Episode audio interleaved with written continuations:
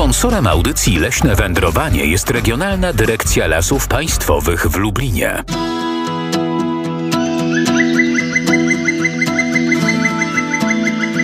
Leśne wędrowanie. A o 7.18, ale gdzież tam, drodzy Państwo, nawet już od 6 i od 5 spływają listy do naszej redakcji na adres lasmałpka.radiolublin.pl. Pan Waldemar między innymi donosi nam życzliwie i przyrodniczo, że jedenastka żurawi leci na północ, a było to wtorek 13 lutego o godzinie 13.50, miejscowość Szorcówka.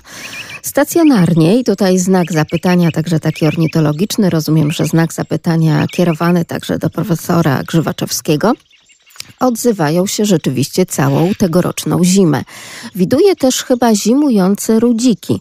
Trwa sezon grzybowy na uszaka bzowego, czyli grzybek mun i czarkę szkarłatną. Śnieżyczki mają białe główki, wychodzą żonkile, a dziś szron i słońce. A jak pogoda i także te wszystkie inf informacje i obserwacje przyrodnicze u Państwa się mają? 81 743 7383, a także 801 50 10 22. Piotr Król i Magdalena Lipiec-Jaremek mówimy Państwu dzień dobry i także sprawdzamy pogodę. W styczniu troszeczkę było zimowo, gdzie ze dwie noce, ze dwie doby pokazało się około minus 20. Notowali nawet gdzieś tam w pewnych miejscach e, poniżej troszeczkę minus 20, ale to było chyba takie dwie czy trzy doby. A poza tym były ujemne temperatury, ale już takie niewiele poniżej zera. Niemniej jednak styczeń był taki naprawdę zimowy. No z lutym się coś porobiło, ale jeszcze lutego kawałek mamy, więc mam nadzieję, że jeszcze i luty pokaże swoje swoje co? Cóż takiego, panie Krzysiu, podleśniczy Krzysztof Malec. Drodzy państwo, teren nadleśnictwa Józefów, czyli nasze wyjątkowe roztocze. Czy pokaże luty jeszcze te swoje lodowe pazurki? Zastanawiamy się i sprawdzamy w takim razie, jak tam w Zamościu, panie Janie. Dzień dobry. Dzień dobry, panie redaktor. Dzień dobry państwu, koleżanki i koledzy słuchacze przepięknej audycji. Proszę panią, pani redaktor, no od kilku dni mamy, mamy wiosnę, aczkolwiek nie, nie widzę o siebie jeszcze pęków tych krzewów różnych, które, e, krzewów ozdobnych, które są nierozłącznym elementem wystroju naszego osiedla. Natomiast e, w nocy od kilku dni notujemy przymrozki. Niewielkie to przynajmniej u mnie było minus dwa już trzy ranki, ponieważ rano wstaję, jestem rannym ptaszkiem. Zapowiada się przepiękny dzień, aczkolwiek słoneczny. W tej chwili słoneczko już się pokazało. Niewielkie obłoczki, aczkolwiek temperatura no, przewidywana przez naszych prognostyków Radia Lublin mówią o tym, że do jeszcze słoneczna pogoda chyba w dniu dzisiejszym będzie do no, co najmniej do południa, a później trochę się zmieni na niekory, gdzieś tam deszczyk ma popadać. No ale y, y, według y, informacji z dnia wczorajszego mamy, dzień mamy dłuższy już ponad dwie godziny, także widać to rano i widać po południu. Ale co więcej, my to czujemy w kościach, tak, prawda? To nawet widać po dzieciach, że chętniej rano wstają. Mm, oczywiście ptaszki śpiewają, aczkolwiek ja nie jestem ornitologiem, jak pani redaktor zdążyła, proszę panią, wywnioskować z różnych opowieści moich. No, czuć, po prostu czuć w powietrzu tą wiosnę. Nie mówię, żeby, bo są rowerzyści, którzy już jeżdżą i są tacy, którzy na okrągło i w zimie przy mrozach trzaskających. Tak, rowerem. ciągle jeździli. Tak. I przez te śniegi. Ja jestem rowerzystą, takim amatorem, ale jeszcze muszę poczekać troszeczkę, żeby, proszę panią, w moim wieku gdzieś nie zapaść, jakoś nie, nie przy, yy, przydarzyła się jakaś, jakaś choroba. Ja też przyznaję się, ja też. Pani. Tak. Chociaż ja bardziej też być może z tego względu, że wiadomo, że dzieci to idą za przykładem e, rodziców, więc żeby jeszcze tak y, zadbać o to zdrowie i o to, żeby te ręce na kierownicy tak, nie marzły, to trzeba jeszcze poczekać, żeby dzieci też się tak od razu na ten pierwszy tak. rzut poczucia wiosny nie rzuciły. Na osiedlu to tam jeżdżą te rodzice z tymi małymi dziećmi, takimi małymi rowerkami, ale to na, że tak powiem na krótkie dystanse. Tak, no nie trasa do szkoły ze szkoły. Tak, o, ponieważ mam szkoły z jednej, z jednej i z drugiej szkoły, y, strony y, mojego miejsca zamieszkania, dlatego mam okazję obserwować to dziennie. Wszystkiego dobrego pani redaktor. A w dzień jeszcze, jeszcze powiem, że w dzień temperatura oscyluje wokół tak 10 stopni u mnie, także wie pani, te kilka dni były bardzo przyjemne, taki leciutki wiaterek, ale on jeszcze zimny, wie pani. Wiem. Także nie ma co, bo ja już gościa widziałem, proszę pani, ale to przesada, który chodził w krótkich spodniach koło mnie. Ale też znamy takie. Takie numery. Tak, oczywiście. I takich bohaterów wiosennych. Wybierają się bohaterowie, wie pani, pewnie pani oglądała kilka tygodni temu, proszę panią, trzaskający mróz, a Baba Góra jest bardzo niebezpieczna zarówno, szczególnie w zimie, ale i, i w lecie, proszę panią. Tak, no suche wie pani, morsowanie też. Nie, ben, nie będę komentował, bo to nie, nie, nie miejsce na to w naszym przepięknym y, edukacyjnym programie. Dziękuję uprzejmie, pozdrawiam panią redaktor, cały zespół i wszystkich radiosłuchaczy, którzy słuchają. My też pozdrawiamy, To- to ściskamy. Ściskamy pana bardzo, bardzo serdecznie. Pozdrawiamy także.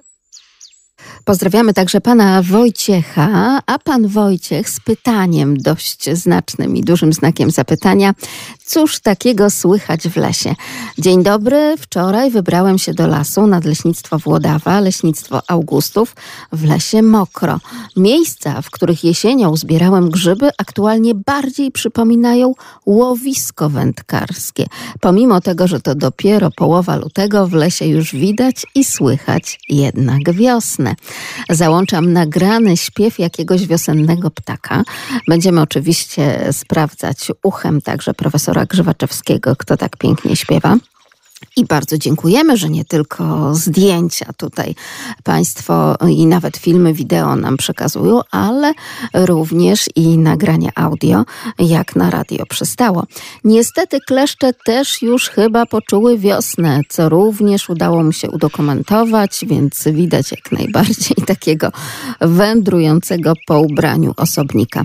Aż trudno uwierzyć, że dokładnie tydzień temu padał śnieg i w lesie było biało. Rzeczywiście było biało, ale bardzo mokro i ten śnieg bardzo szybko nam stopniał i stąd też e, ta, ten podniesiony poziom błota na przykład w lesie, ale też i wody w rowach przydrożnych, a w Białej Podlaskiej aktualnie dwa stopnie powyżej zera i brak akurat słoneczka. Mimo wszystko przesyłam serdeczne i słoneczne pozdrowienia. Wojciech z Białej Podlaskiej. Bardzo pięknie dziękujemy. Rozlewiska jak najbardziej prezentują się tak przedwiosien, tak jak na przedwiośniu, prawda?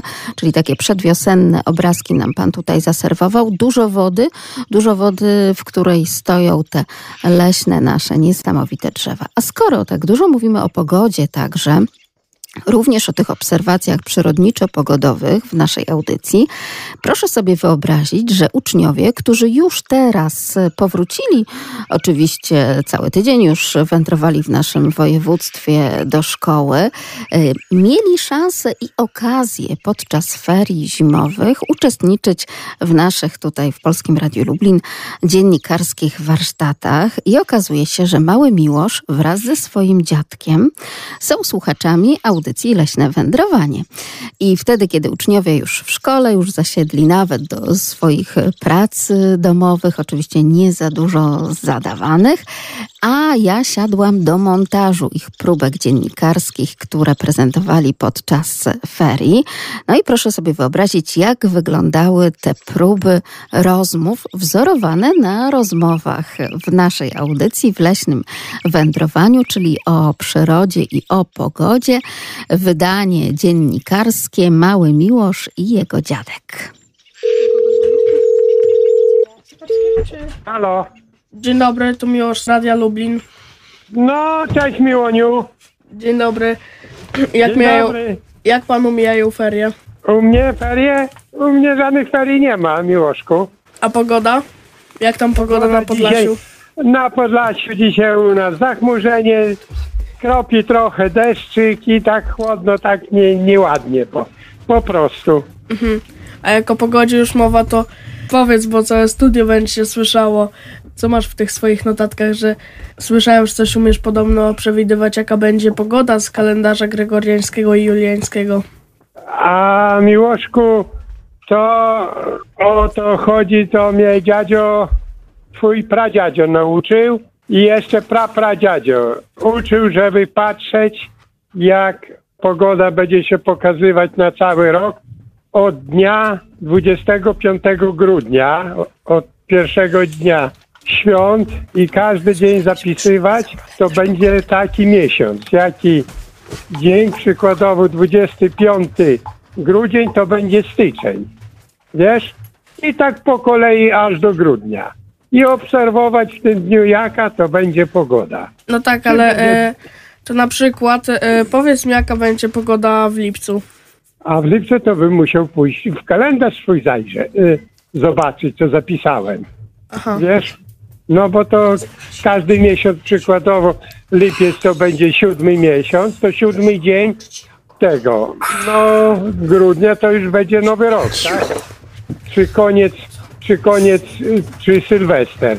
I jaka była w Sylwester pogoda, przykładowo zachmurzenie było, czy słońce, czy ten, czy śnieg pada, to już się do tego dobiera ten.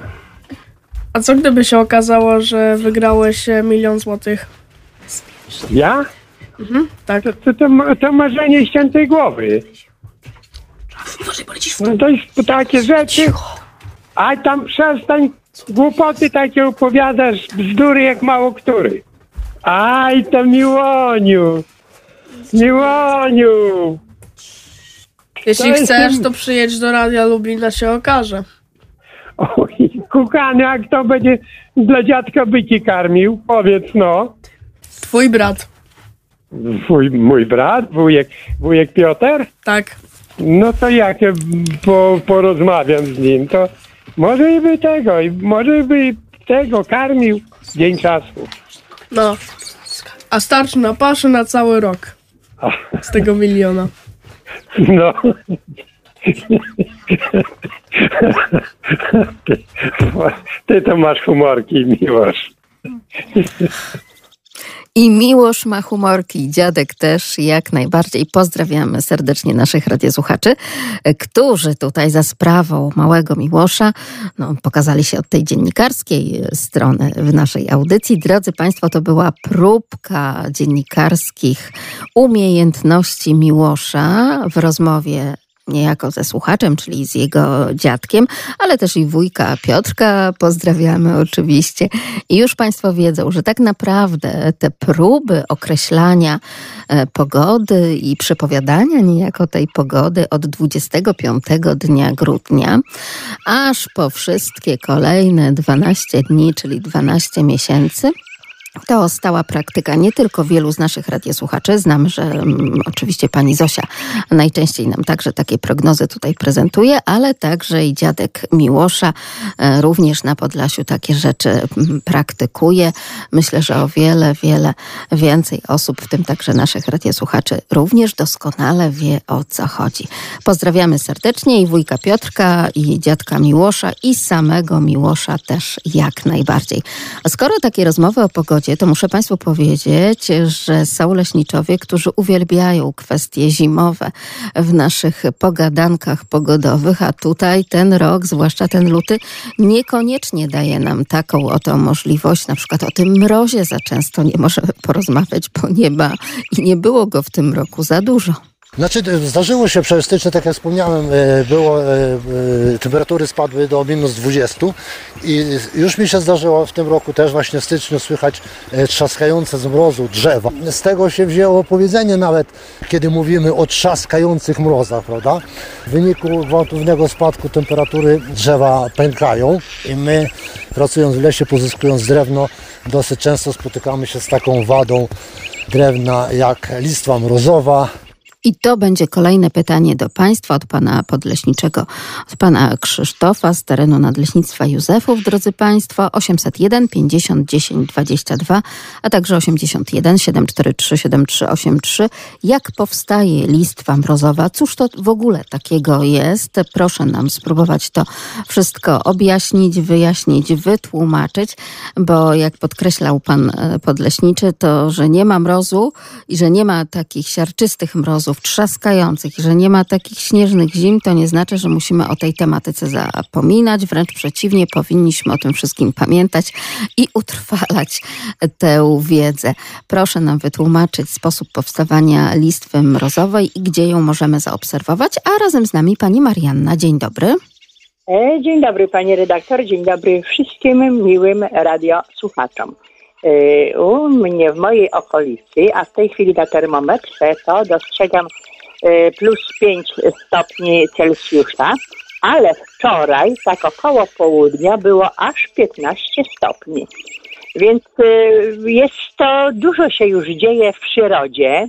Są to takie niesamowite rzeczy, ale mm, w zasadzie kulminacja to przed nami. Cóż w lesie?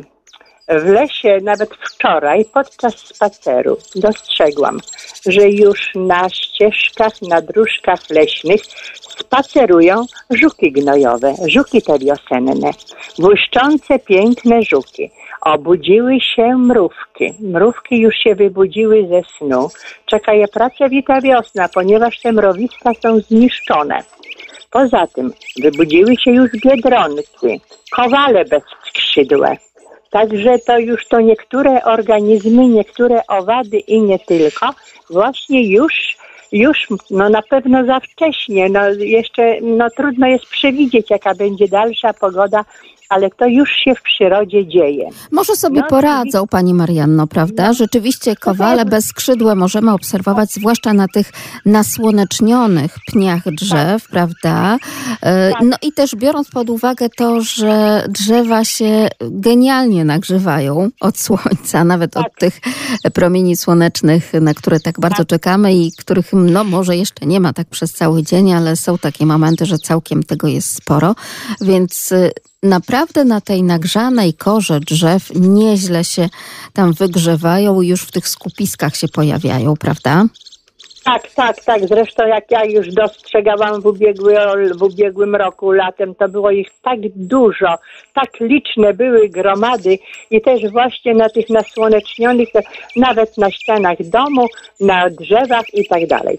A więc no cóż, nadal właśnie jeszcze z lasu o zmroku dobiega tokowy głos puszczyka zwyczajnego, a od wczesnego ranka już słychać śpiew kowalików, sikor, coraz głośniej ćwierkają wróble. Natomiast y, one przede wszystkim, jak już y, wstanę wczesnym rankiem, już od godziny może przed szóstą, to już je słyszę tutaj, które najbardziej, najchętniej y, śpiewają właśnie w szpalerach świerków, gdzie tutaj mam w pobliżu ogródki, ogrody działkowe, gdzie są to te tereny, gdzie ci działkowicze przyjeżdżają zazwyczaj y, wiosną, latem, jesienią, przebywają przez ten okres właśnie takich pracy na działce. Więc tutaj w tych świerkach, tam gdzie również mają swoje noclegownie, sierpówki i dużo ptactwa tam właśnie przebywa w ciszy. Tam są bezpieczne przed drapieżnikami, a jednocześnie są również od wiatru, od jakichś tam właśnie zawirowań pogodowych e, sobie tam mieszkają. No, je- jeżeli chodzi właśnie o, y, o jeszcze takie zmiany w przyrodzie, więc są Widzę, że lilaki, bzy i inne gatunki bzów już mają takie dosyć duże pąki. Y, Są piękne bazie na, na wierzbie, na wierzbach. Y, Złoć żółta, która już ma swoje pączki. Zauważyłam, że również pączki, takie, ale jeszcze bardzo małe, drobne, znajdują się, są już, wykształciły już przylaszczki. E, No, oczywiście na klombie już wyrastają, wyrastają e, tulipany, e, teraz narcyzy i wiele jeszcze innych roślin.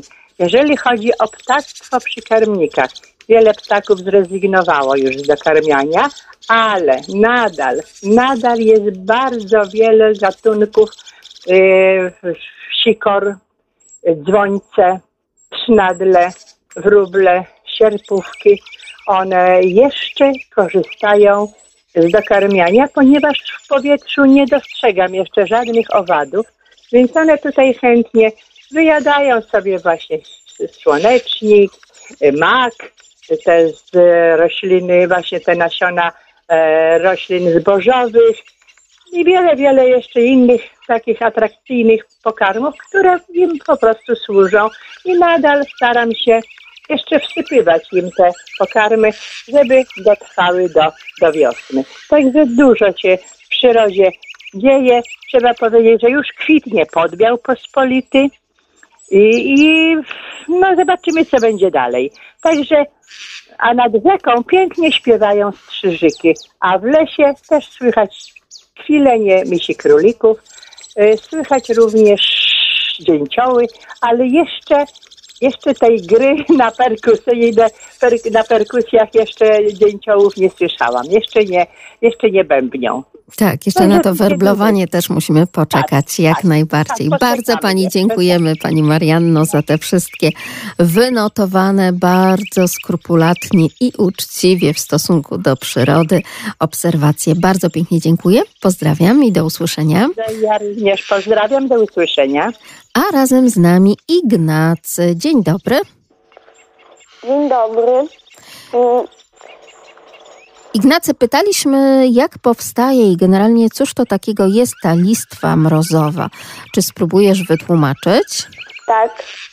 Listwa mrozowa to jest jak drzewo, jak jest niespodziewany mróz. Drzewa nie zdążą się przygotować do niego, nie zdążą spuścić soków do korzeni.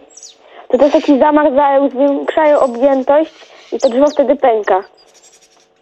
Wtedy się tworzy taka linia, która się, po, która się zrasta i zrasta po latach. Tak, zabliźnia się troszeczkę tak jak na zasadzie, nie wiem, nawet i twoich być może ran, jak tam gdzie, niegdzie. E, niestety przydarzy się sytuacja, że i kolano zdarte, prawda, no to e, jest taka możliwość, że wszystko później wróci do zdrowia i do normy, choć znak czasami pozostaje i właśnie między innymi taka listwa mrozowa też jest owym znakiem. Świetnie. E, Naprawdę z podziwem wsłuchujemy się w Twoje mm, obserwacje, ale też przede wszystkim w Twoją wiedzę przyrodniczą. E, Skoro także dajemy głos starszym radiosłuchaczom, aby opowiedzieli nam, jakież to obserwacje poczynili, czy to przy karmnikach, czy to generalnie gdzieś tam na trasach i ścieżkach leśnych, no to powiedz, Ty ostatnio czy jakąś zwierzynę, czy jakieś ptaki szczególnie obserwowałeś? No wczoraj widzieliśmy już gęsi wracające. Wow. Y, I czapka wczoraj przeleciała i koło nas wylądowała. Czyli jednak wiosna, wiosna, prawda? Mhm. Zobaczymy, jak to będzie. Super. Dziękuję Ci bardzo i trzymam kciuki za kolejne Twoje obserwacje i miłość do przyrody. Dziękuję Ci bardzo.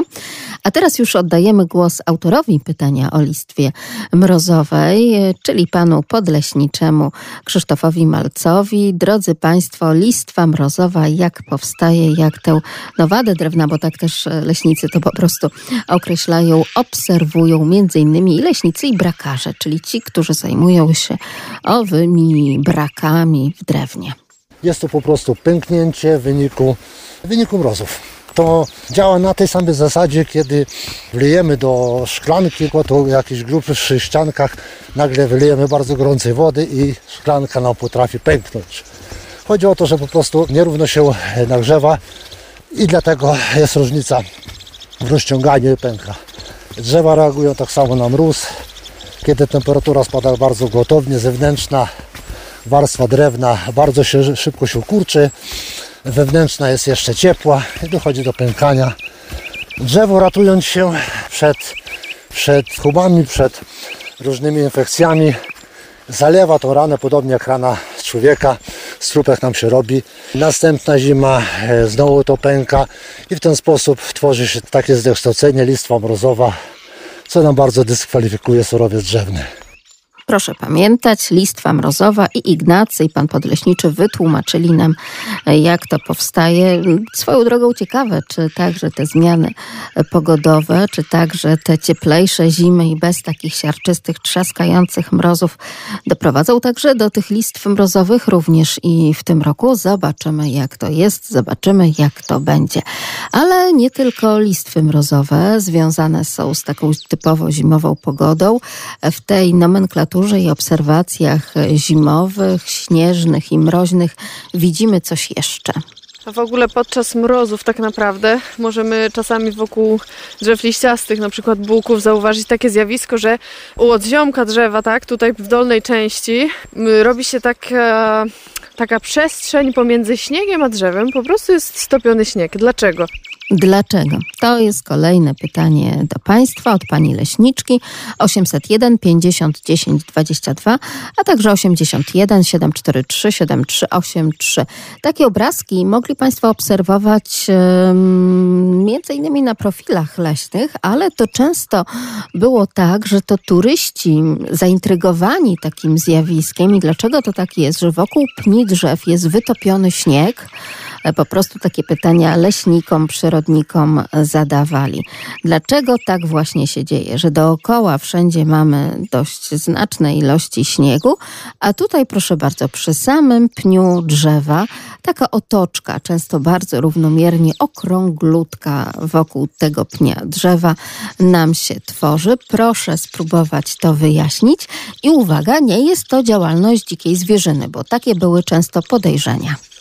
No niestety zwierzyna ma swoje prawa. Zwierzyna no nie zna się na uprawach, na młodnikach, to co my ludzie chcemy robić. Dla zwierzyny jest to cały czas las, cały czas baza żerowa. No i wyrządzają nam szkody, niestety. Staramy się jakimiś sposobami zabezpieczać te nasze uprawy, te nasze młodniki, oczywiście bez szkody dla zwierzyny prowadzimy troszkę takie przepychanki z tą naszą zwierzyną. Cieszymy się oczywiście, że ta zwierzyna jest w lesie, bo trudno sobie wyobrazić las bez zwierzyny, zresztą bez zwierzyny skupisko drzew nie byłoby lasem, prawda? Musi być wszystko na swoim miejscu. Ale rzeczywiście te szkody wyrządzają.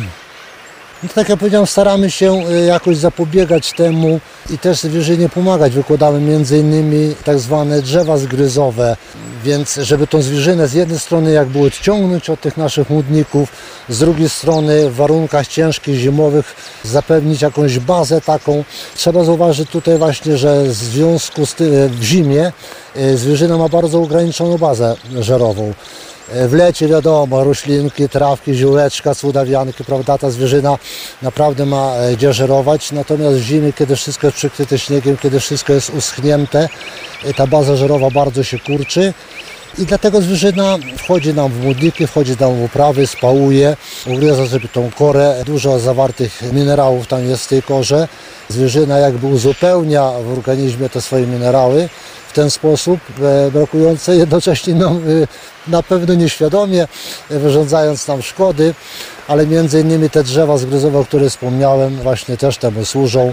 Drzewa zgryzowe to po prostu ścięte drzewa, nieokrzesane, leżą sobie aż do pełnego ugryzienia. Po pewnym czasie stwierdzamy, że faktycznie są okorowane do białości, kora zgryziona, jakieś tam jeszcze niezrewniałe części gałązek są pougryzane, więc e, to działa.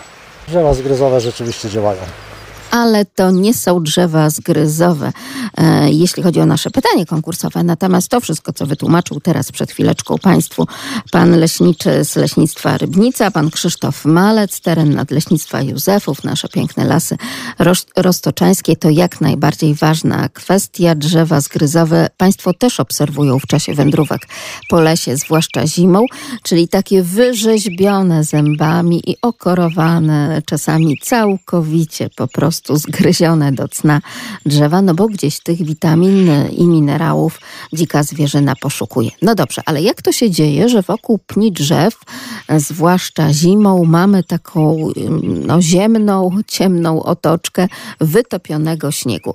Na początek pan Dariusz z Siedlisk. Dzień dobry. E, witam, witam. E, Pnie drzew e, są zazwyczaj ciemnego koloru, więc e, szybciej się nagrzewają i to też e, może wpływać na to, że wokół pni wytapia się śnieg. Mimo, mimo, że temperatura może być bliska zeru lub nawet poniżej, ale jednak od słońca potrafi się kora drzew nagrzewać. Tak, jak najbardziej. To jest bardzo słuszna obserwacja. Jak rozumiem, to obserwacja taka praktyczna, poczyniona w terenie po prostu. Tak, tak. Ale też chciałem ciekawostkę powiedzieć, mhm. bo właśnie w tym tygodniu y, byłem zaskoczony. Usłyszałem już żurawie pierwsze tutaj w okolicy y, właśnie gminy Lubycza Królewska. No proszę. Więc Także już- notujemy. Już słychać żurawie e, na niebie. Tak, rzeczywiście już tak nawet w końcówce, w ostatnich dniach stycznia takie informacje do nas spływały od e, radiosłuchaczy z całego naszego regionu, ale także tych podróżujących po prostu po Polsce. Również pozdrawiamy panów kierowców gdzieś tam na trasach, bo takich radiosłuchaczy mamy wśród państwa, więc jak najbardziej te obserwacje zostały poczynione i co więcej wszyscy się zastanawiają, czy są to te, które gdzieś blisko zimowały, albo na przykład na północy Polski i teraz tutaj wracają w nasze tereny, czy to są już te, które przylatują z tych cieplejszych rejonów do nas i zwiastują nam wiosnę. Bardzo panu dziękuję za te obserwacje. Wszystkiego dobrego. Dziękuję, Dziękuję. pięknie. Pozdrawiam. I jeszcze pan Dariusz z Lublina. Kłaniamy się pięknie. Dzień dobry. Dzień dobry. Panie Darku, rzeczywiście przede wszystkim ta kwestia ciepła jest tutaj i nagrzewania od słońca jest ważna, jeśli chodzi o tę otoczkę wytopionego śniegu wokół pnia.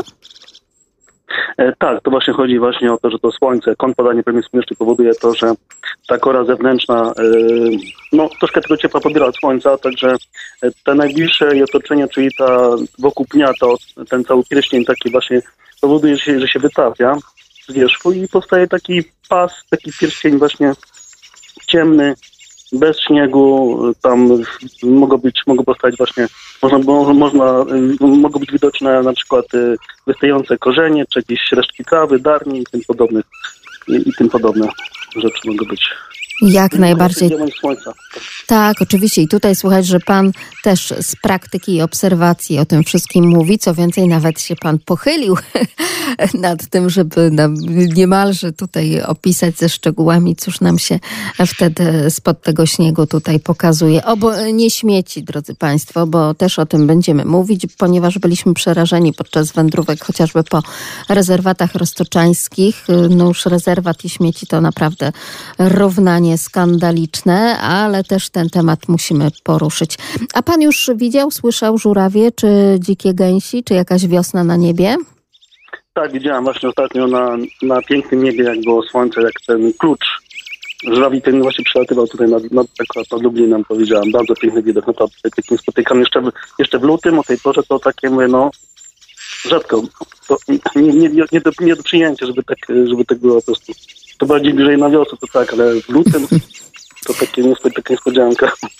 Niespodzianka ornitologiczna. Bardzo dziękuję za te obserwacje także i z pana strony. Pozdrawiam serdecznie.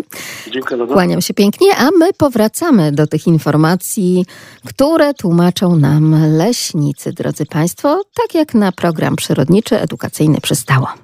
Ponieważ gdy tylko w zimie zaświeci słońce, a jest niska temperatura, to drzewo samo w sobie, pnie drzew, bardzo y, silnie się nagrzewają i robi się y, duża różnica temperatur między tym drewnem, a tym, co mamy w otoczeniu, tak? W jakiej temperaturze funkcjonujemy i po prostu ten śnieg się wytapia. Dlatego jeżeli zauważymy takie okręgi wokół pni, to świadczy o tym, że drewno jest mocno nagrzane, no i stąd też, tak jak pan Krzysztof powiedział, występują też te pęknięcia, tak? Powoduje to ta różnica znaczna temperatur. A to wszystko tłumaczy Państwu Julita Zając, która na terenie Nadleśnictwa Józefów zajmuje się ochroną lasu, ale także udostępnianiem lasu, jak również edukacją i turystycznym zagospodarowaniem lasów józefowskich. Bardzo pięknie dziękujemy.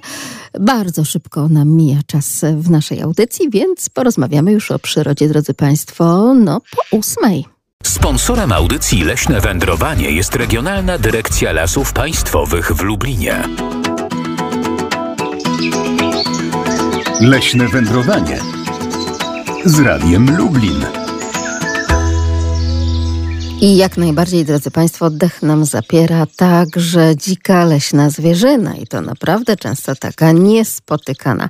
Kiedy zazwyczaj przepytuję panów leśniczych czy podleśniczych, generalnie pracowników terenowych, z jaką to dziką zwierzyną mieli ostatnio do czynienia, jaką spotkali na swojej drodze, a często to spotkanie na drodze rozumiemy bardzo dosłownie, bo te ludzkie szlaki komunikacyjne przecinają się z tymi szlakami komunikacyjnymi dzikiej zwierzyny, no to otrzymujemy różne odpowiedzi, historie się snują i przygody. A kiedy zapytałam pana leśniczego z leśnictwa Głuche w nadleśnictwie Józefów, jakąż to niesamowitą w ostatnim czasie dziką zwierzynę obserwował, powiedział, że... Ostatnio widzieliśmy tutaj na terenie rzeki nawet i troć wędrowną, y, trzy sztuki. Trzy sztuki, drodzy Państwo, i to jakie? Fajne, dorodne, ale cóż to może być za zwierzę?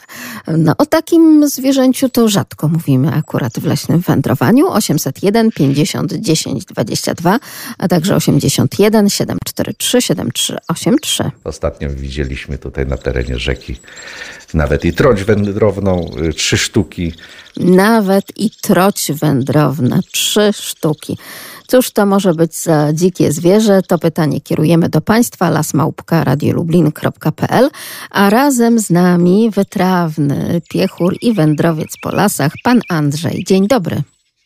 Dzień dobry pani redaktor, witam pana za konsolą i przede wszystkim wszystkich współsłuchaczy, no fanów tejże pięknej audycji.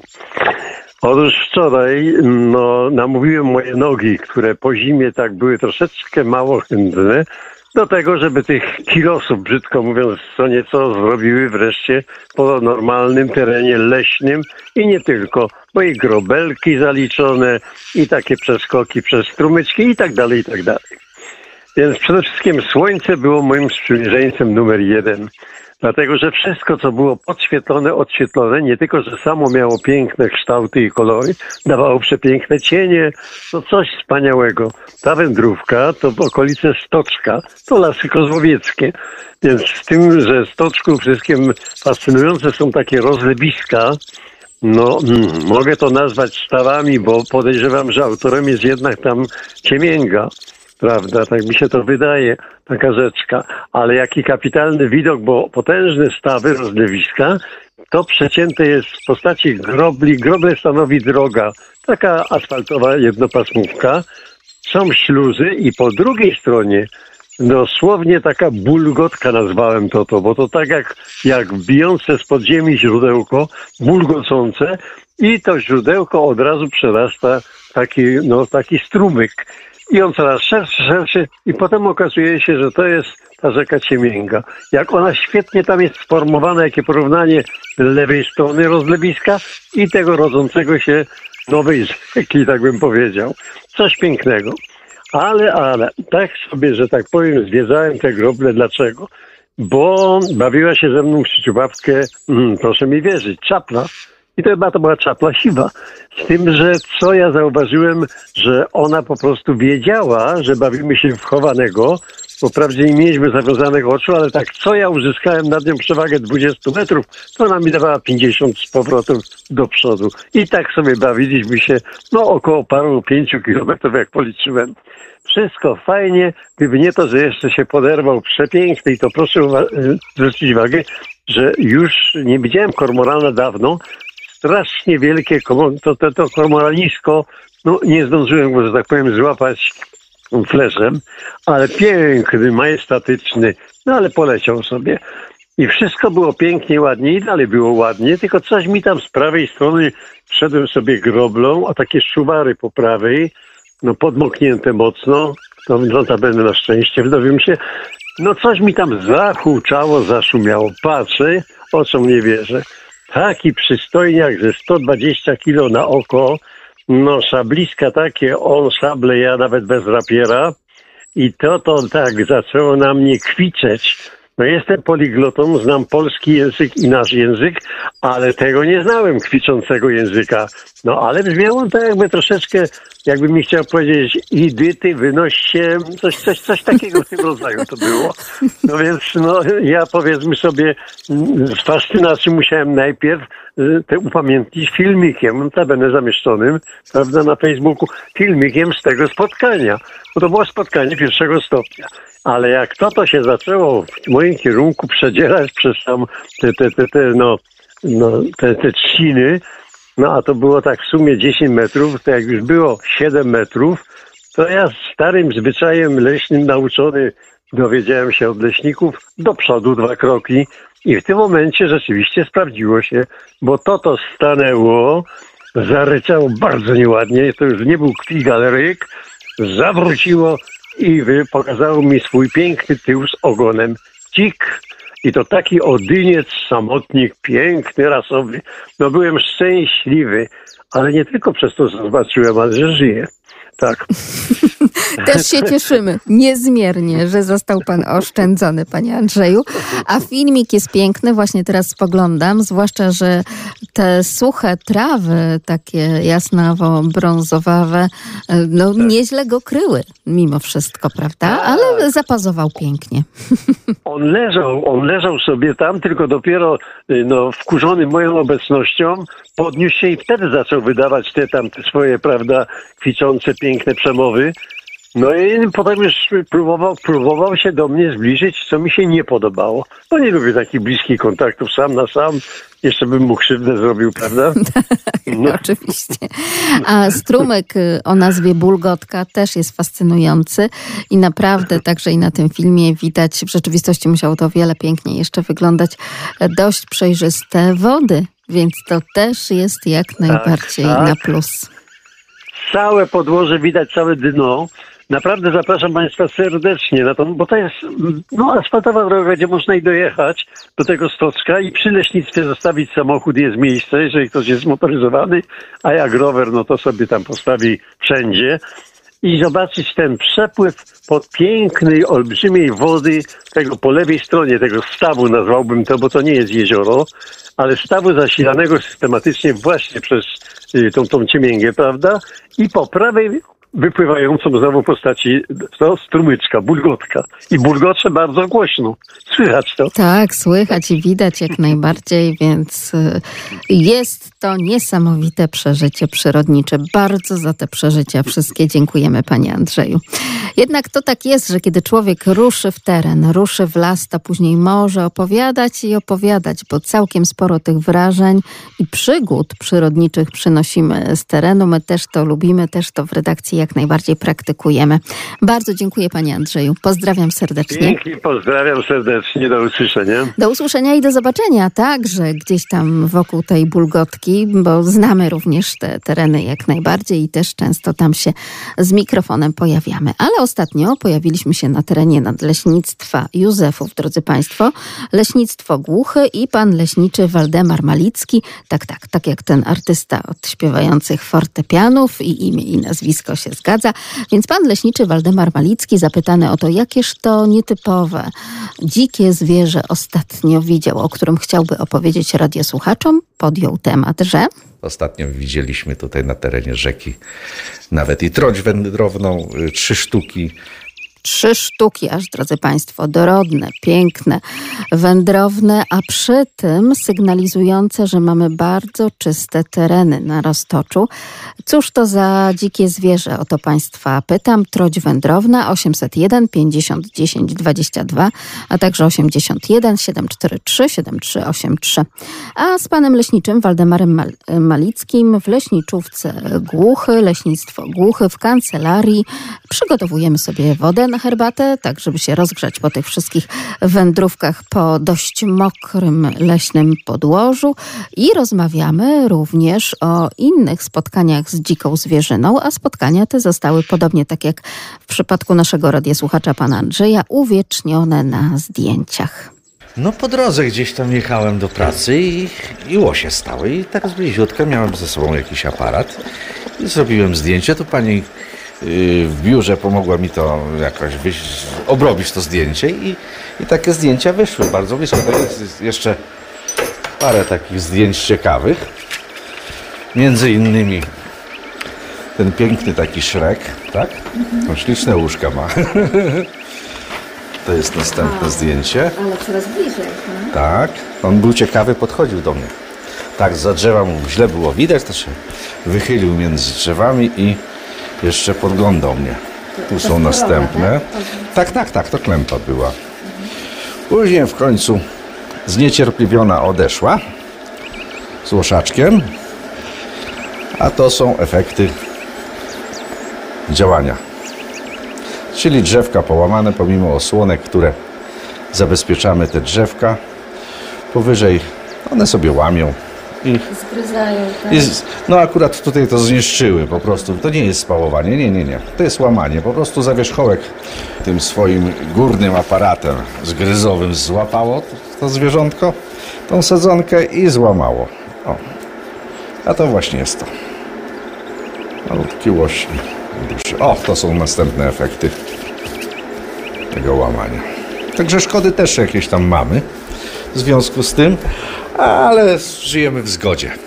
Yy, Ja jak zaczynałem po szkole pracę, to w 1985 roku, to łosia u nas w nadleśnictwie jeszcze yy, nie widziałem. A dopiero po kilku latach było ich coraz więcej, coraz więcej. No w tej chwili jest taka sytuacja, że praktycznie są takie kompleksy, gdzie gdybyśmy nawet i w tej chwili pojechali, to na pewno spotkamy łosie. Łosi jest bardzo dużo. Poza tym na te łosie nie polujemy. Po prostu tylko inwentaryzujemy je. No ale to tak samo jak w każdej gospodarce i rolnej, i, i, i tak samo i leśnej jest coś takiego, że przegęszczenie y, zarówno w jedną, jak i w drugą stronę dobrze nie działa, bo, bo też i, i szkody powodują, ta zwierzyna szkody powoduje. Nawet y, jeżeli jest za duże przegęszczenie, no ze względu nawet na stres, no to, no to który tam między nimi, prawda, coś tam się dzieje, iskrzy. Normalnie, kiedy by ta zwierzyna mniej by tego pokarmu potrzebowała, tego pokarmu wtedy spożywa więcej. No i wtedy gdzieś tam odchodzi sobie w ustronne miejsca, żwacze powolutku przeżuwają sobie na, na, na spokojnie na pagórku, gdzieś tam to, ta, ta zwierzynka bytuje i, i, i przeżuwa. I przyswaja sobie, żeby sobie w tym dobrostanie jakoś y, funkcjonować. I tak o to należy dbać o całościowy dobrostan, czyli o odpowiednią ilość pożywienia, terenu, po to, żeby te gatunki były zdrowe, żeby tak jak w przypadku dzików na przykład też nie rozprzestrzeniał się ów e, ASF. Także do tych tematów jeszcze będziemy oczywiście w leśnym wędrowaniu powracać. I tak jak zaznaczył pan leśniczy z leśnictwa Głuchy, teren nadleśnictwa Józefów, pan Waldemar Malicki. Drodzy Państwo, rzeczywiście ta populacja dzikiej zwierzyny bardzo w ostatnich latach się zwiększyła. A jakie są Pani obserwacje? Pani Zosiu, dzień dobry. Dzień dobry, pozdrawiam redakcję i wszystkich słuchaczy. Yy, wspomniała Pani mnie, wywołała mnie Pani po prostu tym kalendarzem. Tak, jak najbardziej. Nawet nie ja, tylko właśnie Miłosz za sprawą swojego własnego dziadka. Aha, no tak. Yy, co tam słychać? No Pani redaktor, yy, dobrze i niedobrze słychać. Wybudzi, a o tej troci, to ja myślę, że to jest ryba. Tak, jak najbardziej. Troć wędrowna to ryba. I w Tak, tanwi no. sobie pływa, więc y, oznaka tego, że to są bardzo czyste wody. Tak. Yy, yy, wybudziły się pszczoły. No to jest bardzo zły znak, bo no, ja mówiłam, że leszczyna nie kwitnie. Leszczyna już momentalnie, bardzo szybko zapyliła yy, i kwiatuszki zrzeńskie też były. No zobaczymy, czy będą orzechy. Ale w tej chwili bazi nie ma jeszcze, tak, tak przeczuwam, że jeszcze nie, nie kwitną. Może one już się tam wychylają z tych pączków. No nie wiem, czym one się tam przeży- przeżywią. W ogrodzie warzynek, ale to taka, taka jest szybkość tego wszystkiego, że aż dziw. W ogrodzie się bardzo szybko rozwinął wawrzynek wilczełyko jeden, drugi w zacienieniu. Yy, I co wczoraj? Mam parę, parę przylaszczek. Wczoraj odchylam, wie co tu? Wśród liści patrzę, przylaszczka się rozkwitła. Mają wszystkie pączki na wierzchu. Yy, No, k- przebiśniegi, ale one jeszcze jak się nie wyszły z ziemi, ale jeszcze nie rozwijają bardzo. Krokusiki się już porozwijały poszczególne, bo to są odmianami, prawda? Tulipany też już wychodzą. No i mój, mój rannik już kwitnie, ale to jednego dnia jak było piękne słońce, a wczoraj to tak sobie przychylił też, rozchylił troszeczkę, ale jeszcze było za zimno. No i co, skowronka wczoraj słyszałam rano. Wysoko jednak. Na niebie. A jednak, tak, panie redaktor, stałam na balkonie i tak mówię, no nie no, no jeszcze słuch jako taki mam, ale samo to, że wysoko. Te ptaki, no to tu po gałęziach się i przyleciał już gołąb grzywacz. Na swoje stare miejsce. I mąż mówi, no Boże, znowu się na tą tuję uparł, bo potem jak jest wiatr, no to im to gniazdo, ten wiatr albo jajka wyrzuci, albo pisklaka. No pisklaka uratowaliśmy kiedyś. Ale jeden, na razie samotnik, pewnie samiec, samiec zobaczy, co sobie tam można uwić od nowa. No a tak no, nad rzeką woda płynie, duża masa wody płynie całymi olszynami, bo tam są porobione tamy przez bobrów. No na polach jest tak, no jest zielono, nie można powiedzieć, że nie jest zielono, ale ta przyroda jeszcze bym powiedziała, że tak troszeczkę czeka. Może i dobrze robi. Pączki, no tak na, na, na lilaku, no to tak średnio najeża. I, tak jak mówię, że no budzi się to i, i dziwne. Przyleciała wczoraj pszczółka nawet na balkon do mnie. No ale co ja je mogę? No co ja je mogę? No bidulko mówię, no pewnie nie przetrzymasz te, tej wiosny, no bo one będą czerwieć, będzie matka czerwiła, nie mają się czym karmić. Ale może akurat, może akurat jakoś to się u, u, u, no teraz najbardziej, no to tak jakby się krokusy rozwinęły, to zawsze obserwujemy, że one ten pyłek tak zbierają dzielny jak nie wiem co. No ale jak mówicie, że troszeczkę zimna ma być, no zobaczymy. Zobaczymy, co ma być, co będzie. Podobno prawda? nie tak za dużo z drugiej strony. No ale zobaczymy. Tak, ma pani rację. Trzeba po prostu I, a jeszcze chciałam wrócić do tych drzew. Yy, a y, dzięcioły już werblują u nas na Olszynach. O proszę. Yy, no, żurawie już latają. Widziałam dwa, widziałam jeden. Czy się zgubił, czy po prostu jeden już tam szykuje gniazdo, drugi sobie nad Olszynami krążył. No i duży rudel saren na polu, na życie. No trzeba u nas tu w stronę zwolenia, to trzeba bardzo uważać, bo one tak mają rzekę w dole, zwoleńkę, a potem na pola wychodzą, no i właśnie na tym odcinku trzeba bardzo uważać. Y, A drzewa, to ja myślę, że właśnie wśród tych drzew takich, mm, jakby tu powiedzieć, które mają dużo kaloryczności, czyli y, grab, y, i ta kora jest taka, y, no, gładka, to się wtedy bardzo szybko nagrzewa, bo tak sosna, dom może trochę, to one mniej tak, bo to mają te zakamarki różne takie, a tu właśnie na tych ciemnych pniach e, takie, takie mogą być zjawiska dookoła tego e, ogrzania tak zwanego, prawda? Tak, jak najbardziej. Zresztą też na to zwracała uwagę i pani Julita Zając, leśniczka z terenu Nadleśnictwa Józefów. Rzeczywiście m, przy tych liściastych też generalnie częściej właśnie taka sytuacja występuje. Jak najbardziej. No i jestem zadziwiona, bo naprawdę e, chłopiec Ignaś odpowiadał na to pytanie tak naukowo, że aż dziw bierze. Pięknie, panie redaktor. Mamy młody narybek i, i miłość. Mamy, mamy naprawdę dobrych obserwatorów. Mało co prawda, bo większość to y, życie się toczy obok, a komputer i, i A smartfon komputer obok. swoje, prawda? Tak, ma pani Ale rację. właśnie. Ale rzeczywiście Dobrze. tutaj w tej audycji udało nam się nawet e, zgromadzić e, takie dzieci, bo tam i Ola, i jeszcze e, Aha. Julitka była. Także jak najbardziej jest również i kilka takich dziewczynek i chłopców, którzy chętnie nam tutaj dzielą się swoją wiedzą i chętnie opowiadają o swoich własnych obserwacjach. Bardzo dziękuję także i za to, To docenienie taka tych małych. pani Tak. redaktor, której się teraz nie spotyka i wśród starszych osób też, nie oszukujmy się. Ma Pani rację. Jak zawsze doświadczenie przez Panią przemawia. Wszystkiego dobrego. Dziękuję pięknie i cieszę się, że Pani Zosia także odpowiedziała na temat naszej troci. Znaczy naszej, jak naszej. To były obserwacje Pana Leśniczego z Leśnictwa Głuchy, ale też i kolegów z innych ościennych leśnictw. Pan Waldemar Malicki, leśniczy właśnie z terenu Nadleśnictwa Józefów. Tak, między innymi o tej troci w Tanwi, tuż przy samej kancelarii leśnictwa nawet, drodzy Państwo, opowiadał nam. Też przez teren leśnictwa przebiega rzeka Tanew, czyściutka, prawda, nieskażona niczym. Podejrzewam, że i człowiek, jak gdyby się napił tej wody, też się nic złego nie, nie stałoby. No. Strągi żyją. Ostatnio widzieliśmy tutaj na terenie rzeki nawet i troć wędrowną, y, trzy sztuki w okresie tarła.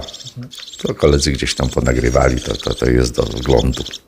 Także gdzieś tam sobie z nadmorza przypłynęła i tutaj, no wytarły się.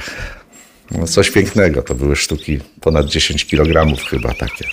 Wody są czyste. No i akurat No i chyba takich nie ma jakichś tam ograniczeń typu jakieś jazy głębokie, wysokie, gdzie, gdzie ta ryba możesz po prostu pod prąd sobie dopłynąć. Rzeczywiście to jedna z najpiękniejszych ryb polskich wód, czyli troć wędrowna. I drodzy Państwo, no coś niesamowitego, bo to mięso jest tłuste, soczyste, delikatne w smaku i ma taki blado-różowy kolor, mało ości także. I podobno znawcy mówią, że o wiele, wiele lepsza i zdrowsza niż chociażby łosoś. A to taka ryba łososiowata właśnie. No dobrze, ale teraz już z tej tanwi i z wody przechodzimy na cztery łapy i to dosłownie i przepytujemy pana leśniczego Waldemara Malickiego z leśnictwa Głuchy. Jak tam, czy w tej głuszy leśnej pojawiają się wilki? Wilków nie było swego czasu. Później, od momentu, kiedy zostały wilki wciągnięte jako zwierzęta chronione prawem, od tego czasu myśliwi przestali polować. No wiadomo, wilk nie ma konkurencji, nie ma yy, ograniczeń żadnych. No i, i, i, wilka mamy coraz więcej, z tym, że tu jest troszeczkę inaczej, bo, bo też jest, wilk jest takim zwierzęciem terytorialnym, za, za dużo też tej populacji nie ma w określonym miejscu i, i, i w związku z tym jest go tyle, na ile wystarcza bazy żerowej dla wilka. No mamy, mamy bardzo dużo w tej chwili na terenie Puszczy Solskiej wilka, także inwentaryzujemy go. Wilk jest bardziej ostrożny, ale też spotykamy tam ciągu roku, ja, ja 4-5 razy spotykam osobniki, które gdzieś tam się przemieszczają. Są to pojedyncze sztuki, są to sztuki z młodymi, które te właśnie te opiekują się, tak zwani piastunowie się tymi młodymi wilczkami opiekują. No i też żyjemy w zgodzie, jak na razie. Jest potężne, są jamy duże. Bardzo bliskie związki takie mają rodzinne, że tak powiem. No i, i, i opiekują się nawzajem. Niekoniecznie wadera, czyli ta, ta matka wilcząt musi opiekować się młodymi. Też bardzo często jest tak, że, że następne pokolenia, czyli, czyli wujkowie opiekują się tymi młodymi wilczkami.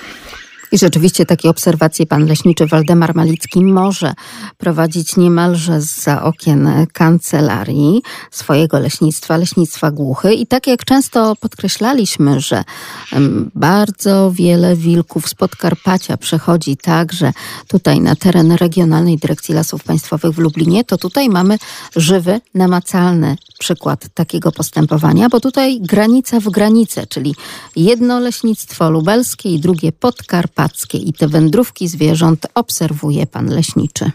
No nawet ja graniczę terytorialnie z nadleśnictwem Narol, czyli to już jest Podkarpacie. Po drugiej stronie są tereny takie bardziej podmokłe, niedostępne. W związku z tym z tamtej strony też dużo zwierzyny przychodzi na nasze tereny. To są okolice po drugiej stronie Lublińca, Narola, Huty Różanieckiej, także też tereny takie ciekawe są. Przyrodnicze oczywiście. No woda tak, woda to życie. Tak, tak. Tylko, że są miejsca, gdzie y, ta woda mało jest dostępna dla zwierzyny, bo, bo są zaniżenia, kiedy to są wody zalegające, bagienne. No i rzeczywiście wtedy w taką wodę niekoniecznie także nawet, proszę sobie wyobrazić, zwierzyna się zapuszcza z uwagi na bezpieczeństwo. To jest ten instynkt zwierzęcy, to jest to wyczucie, gdzie można, a gdzie niekoniecznie. Troszeczkę inaczej niż ten na dwóch nogach wędrujący zwierz, który, tak jak Państwo słyszeli, potrafi wejść w naprawdę miejsca, o których ktoś rozsądny nawet by nie pomyślał, a zwłaszcza ten rozsądny pracujący w lesie jak leśnik. I teraz o tym rozsądku przyrodniczo-leśnym sobie porozmawiamy. Porozmawiamy także o ochronie przyrody, pamiętając o tym, że przecież tak naprawdę większość rezerwatów, większość parków, później w konsekwencji narodowych i krajobrazowych powstawało także w obrębach lasów państwowych. Dziesiątki, jeśli nie setki lat temu zaczęto się dopatrywać, że człowiek za bardzo się rozpędził w chęci posiadania, w chęci zysku i zaczęły znikać bardzo cenne fragmenty, bardzo cenne ukazy, czy zwierząt, czy roślin i zaczęto to w jakiś sposób chronić. Oczywiście ta pierwotna ochrona przyrody była zupełnie inaczej wyglądała, niemniej jednak było to bardzo ważne, bo e, utworzyło to jakby drogę, pokazało ścieżkę tą właściwą do ochrony przyrody. I tak jak to pani redaktor wspomniała, oczywiście na bazie wielu rezerwatów Kiedyś jeszcze nie było parków. Zaczęto chronić niewielkie fragmenty. Tu jest ładnie, a to tu będziemy chronić, prawda? Rezerwat taki, rezerwat taki. No takim świetnym przykładem jest przecież e, nieopodal stąd znajdujący się e, Roztyczański Park Narodowy, który powstał na bazie kilku rezerwatów. Zostało to wszystko połączone. Też powstał oczywiście z lasów państwowych, tak. No cóż, mamy naprawdę duże obszary lasów, naprawdę e, mamy gdzie gospodarować, więc wyłączenie z użytkowania tych niewielkich w sumie na takie ogromne kompleksy leśne wyłączenie niewielkich fragmentów e, leśnych nie wyrządzi ani lasom, ani społeczeństwu krzywdy. A jak się ukazuje, ta ochrona przyrody jest bardzo potrzebna. Te rezerwaty, które mamy, te parki, które mamy, przez te kilkadziesiąt lat, ostatnich chociażby, co obecne pokolenie leśników pamięta, ukazuje się, że spełnia swoją rolę, jest potrzebne dla samej przyrody też. Oczywiście dla samej przyrody też, ale przede wszystkim dla nas ludzi gdzie możemy się uczyć, gdzie możemy podpatrywać przyrodę. No bo tak w lesie gospodarczym jednak te zmiany następują, prawda? Jest ta wymiana pokoleń tych drzew. Las gospodarczy zupełnie innymi prawami się rządzi, natomiast w rezerwacie, tak jak mieliśmy okazję przed chwilą zobaczyć, tam patrząc z góry na rzekę, gdzie że te zwalone pnie drzew, które nie, pewnie sobie liczą, pewnie byśmy znaleźli po kilkadziesiąt lat takie leżące, więc kawał historii i to pokazuje, że e, ta ochrona jest potrzebna. Czy jest potrzeba tworzenia nowych rezerwatów? Myślę, że tak, ale no nic na siłę, prawda? Żeby nie zdarzyło się, jak to mówi fajne powiedzenie, mi się to osobiście podoba, żeby w pewnym momencie nie wylać dziecka z kąpielą, żebyśmy znowu się nie zapędzili w drugą skrajność jakąś, ale na pewno jest taka potrzeba. Mamy naprawdę piękne fragmenty, czy drzewostanów, czy, czy terenu. I to już niekoniecznie mówimy w tym momencie o lasach państwowych, tereny poza lasami też państwowymi, no ale dla nas leśników właśnie ważne są te tereny leśne tych lasów państwowych, na pewno są potrzebne, na pewno będą otworzone. Słyszałem coś niedawno o pomyśle rozszerzenia Roztoczewskiego Parku Narodowego, powiększenia, a czytając informacje, parki są powiększane, rezerwaty są też powiększane i dobrze, dobrze się tak dzieje, dobrze, że idziemy w tą stronę, a nie w przeciwną, żebyśmy ograniczali, czy nie daj Boże zmniejszali powierzchnię obiektów chronionych. I drodzy Państwo, jeszcze jedna bardzo ważna kwestia i apel oczywiście od wieloletniego edukatora, jeśli chodzi o lasy państwowe, pana podleśniczego Krzysztofa Malca, ale też i przewodnika turystycznego, trapera, wędrowca. Drodzy Państwo, najważniejsze, tak jak podkreśla pan podleśniczy, to nie tylko słowa, choć mówić trzeba i edukować, ale przede wszystkim czyny. Więc takie oto sytuacje, kiedy to widzimy, że turyści pod kamienie wrzucają śmieci, gdzieś tam za pnie drzew chowają śmieci na szlakach, na przykład roztoczańskich, nie tylko w Parku Narodowym, ale także tutaj na terenie Nadleśnictwa Józefów, chociażby mm, na szlakach rezerwatów to chyba nie w tę stronę, drodzy Państwo, ta ochrona przyrody w Polsce iść powinna. Ochrona przyrody to nie tylko słowa, to są przede wszystkim czyny i to już niezależne tylko od nas leśników. Tak naprawdę przyrodę powinniśmy chronić wszyscy. Wszyscy, małe dzieci, dorośli ludzie, turyści miejscowi, turyści przyjezdni, turyści zagraniczni. To jak się zachowujemy na szlaku, tak przyroda będzie e, chroniona. My leśnicy, ludzie odpowiedzialni za ochronę przyrody, e, z racji swojego zawodu wykonujemy konkretne zadania Niekoniecznie e, te zadania muszą być świadome dla przyczynnego turysty, ale to jak się turysta na szlaku zachowa, to jest nie wiem czy nie ważniejsze od tego, co my robimy, a na pewno nie mniej ważne.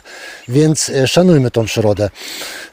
Często ludzie się mnie pytają, bo w wielu parkach narodowych, w tym tutaj na naszym najbliższym, w Roztoczańskim, nie ma koszy na szlakach. Szlaki są owszem pięknie dostępne, ale proszę pana, dlaczego tu koszy nie ma? No gdzie ja mam to wyrzucić? Koszy nie ma nie przez zaniedbanie pracowników parku, tylko jest to celowe działanie. A dlaczego nie ma koszy? Właśnie może powiedzmy jeszcze. I może zapytajmy radiosłuchaczy, a pyta podleśniczy Krzysztof Malec, wieloletni edukator leśny, e, pracownik terenowy Lasów Państwowych, więc doświadczenie tutaj przez pana podleśniczego jak najbardziej przemawia. Drodzy Państwo, dlaczego nie ma koszy na śmieci na szlakach, chociażby e, na przykład w Rosoczańskim Parku Narodowym, w Poleskim Parku Narodowym, ale też i w rezerwatach na Roztoczu. Jak Państwo myślą, z czego to wynika i czy to jest zasadne działanie, czy może niekoniecznie? Przecież nam, ludziom, byłoby o wiele, wiele wygodniej. 801 50 10 22, a także 81 743 7383, bo tak jak podkreślają leśnicy wielokrotnie, drodzy Państwo, Państwo, oni czują tę ogromną odpowiedzialność i wymagania, jakie zwłaszcza w ostatnich latach stawia przed nimi polskie społeczeństwo, że lasy mają być zadbane, mają być chronione i mają być czyste. Tylko pytanie retoryczne z jednej strony brzmi, czy rzeczywiście to jest dobry adresat tych czystości lasów, właśnie leśnik? Społeczeństwo jakby oczekuje, tylko nie bardzo wiem od kogo, żeby było czysto, żeby było ładnie, żeby nie było zaśmiecone. No nie wiem, od nas leśników? No my zbieramy te śmiecie. No wiadomo, że to, to są ogromne koszty. Wbrew pozorom to są ogromne koszty my tutaj w tym naszym małym świadku, w tej naszej małej ojczyźnie, jak to mówią, prawda, nie, nie wybiegamy jakoś tak daleko, że nie liczymy tych kosztów, no y, samochodem jadę, y, y, tak czy siak, prawda, tą drogą, zatrzymuję się, ale to oczywiście dla mnie osobiście też są koszty, bo co innego jechać, co innego się zatrzymać, co innego ruszyć, prawda, i zbieramy te śmiecie. Samochody są zawsze zawalone tymi śmieciami. Nam to boli, nam to przeszkadza. Też chcemy, jeśli przyjadą do nas ludzie z zewnątrz, skądś z daleka, a nie wiemy, kto to jest, a może są leśnicy, a może, e, może ktoś, no, żeby nas postrzegał, prawda? Jeśli ja wejdę do kogoś na posesję, na podwórek i widzę czyściutko, poukładane, wszystko na swoim miejscu, widać gospodarza. Ja go nie muszę znać osobiście, prawda, tego człowieka, ale powiem od razu, o, widać tutaj gospodarza. Tak samo my to odbieramy. Jeśli ktoś nas postrzega w ten sposób, że jest w lesie czysto, ładnie, tak jak powinno być, widać, że tu są gospodarze, prawda?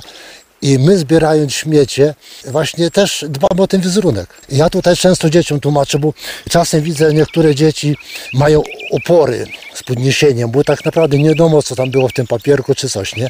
Rękawiczki, bo czasem takie akcje są prowadzone, sprzątanie lasów w różnych tam formach. I ja mówię, no bo to no, zbieranie śmieci postrzegane jest takim, taką czynnością wstydliwą, prawda? Mówię, niech się wstydzą ci, co rzucili tutaj. Mówi, dziecko, ty się nie wstydź, ty masz prawo być dumna z tego, że przykładasz rękę. Bombardują nas, tak, tak, stanęliśmy w takim miejscu akurat. Widziałem fajny, e, fajnego mema, czy rysunek, bo już nie wspomnę, jak idzie e, synek z tatą i pan e, w, w, kamizelce pracuje e, przy kontenerze ze śmieciami, samochód chyba odbiera te śmiecie, prawda? I synek wyciągnął rękę, mówi, patrz tata, śmieciarze. Na co ojciec odpowiedział, nie synku, to są panowie, którzy odbierają od nas śmieci. Śmieciarzami to my jesteśmy. I taka jest prawda. Tak, produkujemy naprawdę ogromne ilości śmieci. Coraz, I coraz większe. I to jest właśnie, bo często zachodzi pytanie, no skąd te śmieci się wzięły? Przecież e, wspominając stare czasy, a już młody, najmłodszy nie jestem, e, kiedyś śmieci po prostu tyle nie było ale trzeba sobie e, uświadomić to, w co kiedyś było pakowane nasza żywność, nasze napoje. Butelki szklane zwrotne, opakowanie papier. Papier, który dało się spalić, który nawet wyrzucony po bardzo krótkim czasie się rozkładał. Dzisiaj wszędobylska folia, tak zwane reklamówki, które w ogóle reklamówkami nie są, to są ordynarne torby foliowe, które wzięte nawet nieświadomie w sklepie, rzucone byle co, wyrzucone w terenie rozkładają się kilkadziesiąt lat, jeśli nie kilkaset lat. Dlaczego u nas nie robi opakowań zwrotnych na przykład? Tak jak jest w krajach zachodnich, ale chociażby te opakowania zwrotne. Przecież to bardzo łatwo można wprowadzić. Produkujemy ogromne ilości właśnie tych plastików, butelki plastikowe, puszki niezwrotne, te wszystkie woreczki, folie. To wszystko gdzieś trzeba się tego pozbyć. Jest potrzebne na momencie, kiedy kupujemy, kiedy coś pakujemy, później to jest B trzeba wyrzucić. A najlepiej gdzie? Do lasu. Ale jak to zrobić, jak w tym lesie, ani w rezerwacie, ani w parku jeszcze do kompletu nie ma koszy? No nie ma koszy na szlakach. Dlaczego tak się dzieje? Z takim pytaniem otwartym skierował się do Państwa pan podleśniczy Krzysztof Malec. Pani Jadwiga z Lublina. Dzień dobry. Dzień dobry. No wydaje mi się, że kosze e, nie mogą być, prawda, na, przy tych ścieżkach, dlatego że e, gromadzone są różne rzeczy. Czasem ta zwierzyna, która po prostu podchodzi i zwabiona jakimiś zapachami, może, może po prostu chcieć się dostać do tych koszy. To już by niszczyła, ale o to chodzi, że te odpadki również dla samej zwierzyny są niezdrowe. To No ja, przede prawda, wszystkim. Jak, oprócz tego jeszcze właśnie te wszechobecne plastiki, prawda, które są bardzo nie, no, no źle widziane nie, nie powinniśmy, po prostu powinniśmy za, zabierać to wszystko ze sobą. Kiedyś tak było właśnie, jak, jak harcerze wychodzili kiedyś, kiedyś, to zawsze mieli dodatkowy gdzieś tam w swoim chlebaczku miejsce, ale tak jak było wspomniane, że ten papier był, czyli może trzeba było wszystko ze sobą zabierać do domu. No i, i także, także takie moje zdanie jest, tak. Bardzo rozsądne zdanie. Czy to oznacza, że pani też z tym chlebaczkiem harcerskim wędrowała po szlakach? Kiedyś, wędro, kiedyś wędrowałam. kiedyś wędrowałam, tak. Chociaż on był niewielki, ale trzeba było zawsze ze sobą e, zabierać śmieci. Chociaż jak wspomniałam, tych śmieci było mniej, prawda? Bo to jakiś zwinięty po kanapce e, papier czy, czy te. No teraz folii mamy wszędzie. Tak, tych plastikowych pudełeczek, prawda? Tak, Mnóstwo tak, e, puszek jeszcze do kompletu, a szkła to tak niekoniecznie, prawda? Więc Tak. takie oto refleksje i wspomnienia również. Bardzo dziękuję Pani Jadwigo za ten szalenie rozsądny głos, e, także odnoszący się do przeszłości. Pozdrawiam serdecznie. Dziękuję. Dziękuję serdecznie, pozdrawiam. Do widzenia. Do usłyszenia. A teraz jeszcze Pani Henryka. Dzień dobry. Dzień dobry. Ja chciałabym powiedzieć jeszcze, że śmieci ze sobą zabierać powinniśmy nie tylko z lasu, ale też z plaży, ale też z łąk. Lubię wędrować po podlaskich łąkach i jeżeli nawet zobaczę butelkę po jakimś napoju plastikową, którą ktoś gdzieś zostawił, zawsze ją zabieram, chociaż nie jest moja. Zwracam uwagę na to, że w tych butelkach żyją, nie żyją, tylko tracą życie różne żyjątka. One wchodzą, potrafią wejść do puszki, do butelki i tam giną. Zwracam też uwagę na to, że dzikie zwierzęta potrafią zjeść folię. Kiedyś widziałam taki reportaż o tym, jak y, niszczą sobie przewód pokarmowy. Albo bociany, które zaplątują sobie nogę czy dziób w folię albo sznurek, jak są teraz takie sznurki foliowe. Kiedyś też sznurki były papierowe, szpagat się nazywały, a teraz foliowe y, sznurki plastikowe niszczą nogi zwierzętom. Przecież nawet te małe gryzonie y, są znajdowane, gdzie mają nogę okręconą kawałkiem folii czy sznurka i one w ten sposób tracą życie. Także pamiętajmy o tym, żeby nie szukać żadnych koszy, tylko zabierajmy wszystko ze sobą. Nie mówimy o chlebaku. Mamy torebkę, w czymś tę kanapkę i tę butelkę przynieśliśmy w jakieś miejsce niby odpoczynku.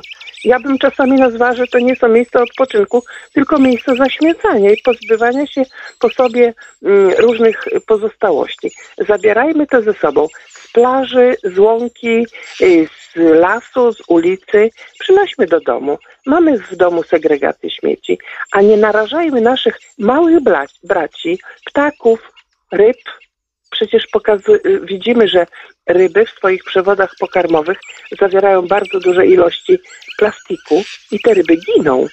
Tak samo giną ptaki morskie, ptaki rzeczne, y, wodne. Y, Ja, ja cały czas myślę o tym bocianie. Widziałam, jak miał po prostu uschniętą nogę z powodu sznurka. No przecież ten sznurek skądś on przyniósł, jakiś człowiek go zostawił. Dbajmy o przyrodę i wokół nas to wszystko. Pozdrawiam wszystkich. Bardzo serdecznie dziękuję za ten apel i od razu wtedy, kiedy pani Henryka opisywała chociażby te brzuchy ryb e, wzdęte od ton plastiku, woreczek, woreczków foliowych różnego rodzaju, e, opakowań, to kojarzy mi się taka instalacja właśnie proekologiczna na Helu Polsce. Drodzy Państwo, tam można zobaczyć takie ogromne metalowe konstrukcje e, właśnie ssaków też e, jak najbardziej morskich, ale także i ryb i w środku tej konstrukcji ogrom plastiku, nakrętek, butelek i wszystkiego, czego nie powinno być tak naprawdę. Pani Monika też do nas napisała na lasmałpka.radiolublin.pl Nam ludziom zdecydowanie byłoby wygodniej wrzucić śmieci do kosza, ale co przynosisz ze sobą na szlak, zabierz ze sobą z powrotem. Takie kosze to niestety często dla dzikiej zwierzyny zbyt łatwy łup, ale czy bezpieczny? Ogryzek w porządku, ale jakaś torebka po chipsach, przekąskach to już niestety nie. Bardzo mądre słowa z tymi opakowaniami zwrotnymi od pana leśniczego. Pan Ireneusz do nas pisze i w ogóle ważny temat. Pozdrawiamy wszystkich radiosłuchaczy, którzy też tak mądrze wypowiadają się w audycji. Jeszcze jedna rzecz, na którą zwrócił uwagę także pan podleśniczy Krzysztof Malec, również przewodnik górski, który widział, jak bardzo wiele śmieci znajduje się pod kamieniami, także tuż za szlakówkami, czyli tymi oznaczeniami szlaków, ale też i w dziuplach w lasach. Tam też robimy sobie takie w cudzysłowiu kosze. I ja tu nie będę miał żadnych oporów, żeby nazwać tego bezczelnością, wręcz hamstwem, bo przepraszam, przed kim, przed czym taki turysta chce to schować. No ja tego w ogóle nie rozumiem, to nawet nie da się skomentować, bo, bo jak? To się nie da skomentować. To, co przed chwilą mówiliśmy o tym, nieść plecak obładowany jedzeniem, napojami nie jest ciężko, znieść puste opakowanie jest ciężko. Nie rozumiem.